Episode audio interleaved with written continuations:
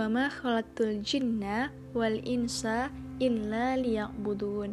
Shadaqallahul azim.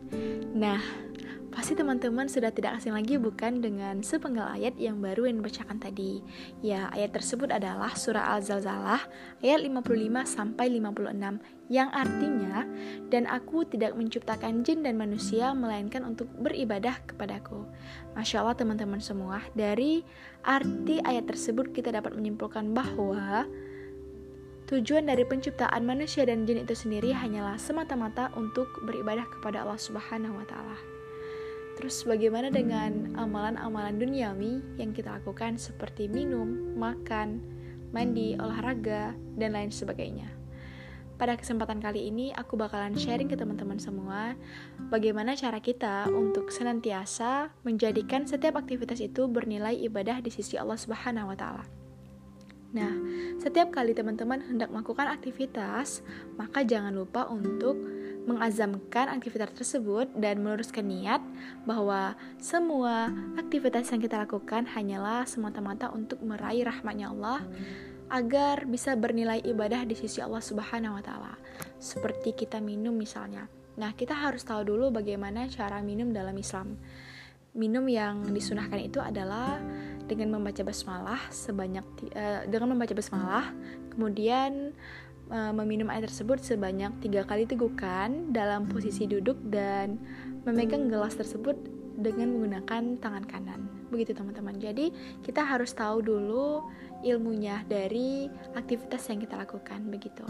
Sama halnya seperti kita masuk WC. Nah, ada adab masuk dan adab keluar ketika kita hendak masuk WC.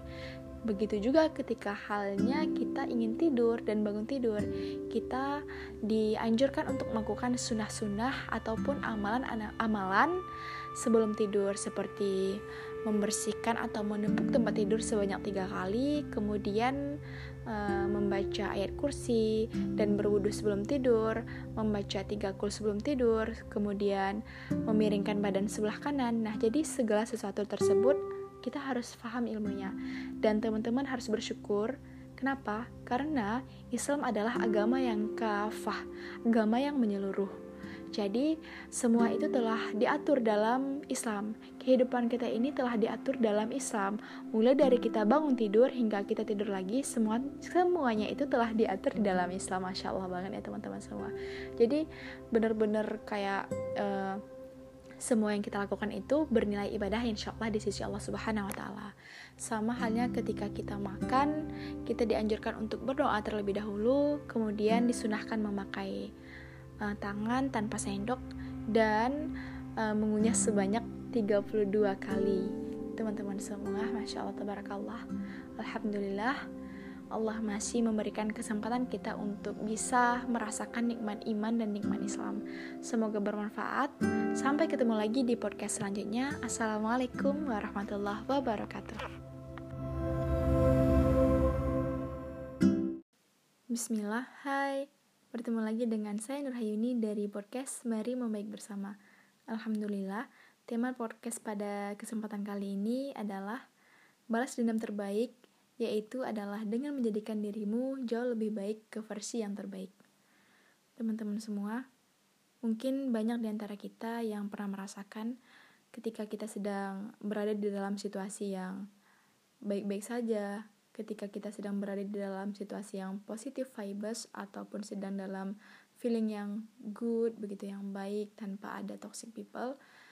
Namun siapa sangka tiba-tiba ada someone atau toxic people yang datang ke dalam hidup kita kemudian merusak suasana baik-baik tadi menjadi uh, negatif vibes kemudian merubah mood kita yang tadinya baik menjadi uh, bad mood. Teman-teman semua orang-orang seperti ini ada kalanya kita harus meninggalkannya begitu saja. Kita harus move on tidak perlu mendengarkan atau mungkin kita jadikan sebagai cambuk, sebagai motivasi untuk diri kita supaya jauh lebih baik lagi. Karena yang namanya kehidupan tidak akan pernah terlepas dari orang-orang yang tidak menyukai kita. Bahkan akan ada masanya di mana ketika orang-orang tersebut tidak tahu persis bagaimana diri kita, ia tidak menyukai kita. ia tidak punya alasan untuk membenci kita, tetapi dia tetap tidak menyukai kita, begitu. Karena Rasulullah SAW saja, Allahumma sholli Muhammad, adalah seorang manusia pilihan, tetapi ada banyak sekali manusia lainnya yang tidak menyukai beliau. Padahal beliau adalah manusia terbaik di muka bumi.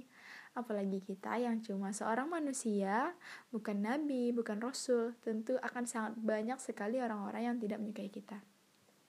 Apalagi nih ketika kita sedang berusaha menyuarakan kebaikan, sedang berada di dalam jalan di dalam jalan dakwah, maka akan ada orang-orang yang seperti ini.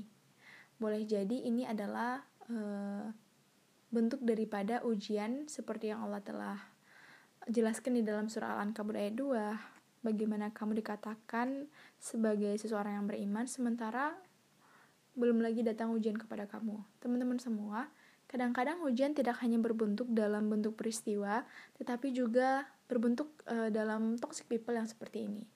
Jadi ketika kita sedang uh, bersemangat dalam menyebarkan dakwah, bersemangat dalam menyuarakan kebaikan, mengajak orang-orang dalam kebaikan, membersamai dalam kebaikan, orang-orang tersebut tidak suka melihat kita. Kemudian uh, akan selalu mencari cara untuk kita berhenti menyuarakan kebaikan tadi, begitu.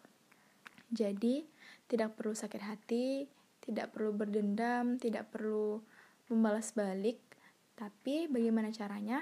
Yaitu adalah dengan menjadikan diri kita menjadi pribadi yang jauh lebih baik lagi dalam versi yang terbaik. Jadi, balas dendam terbaik adalah dengan menjadikan diri kita jauh lebih baik lagi dalam versi yang terbaik. Semoga bermanfaat podcast yang pada siang hari ini. Semoga dapat membantu teman-teman semua menghilangkan kesedihan yang mungkin uh, terjadi oleh toxic people. Assalamualaikum warahmatullahi wabarakatuh.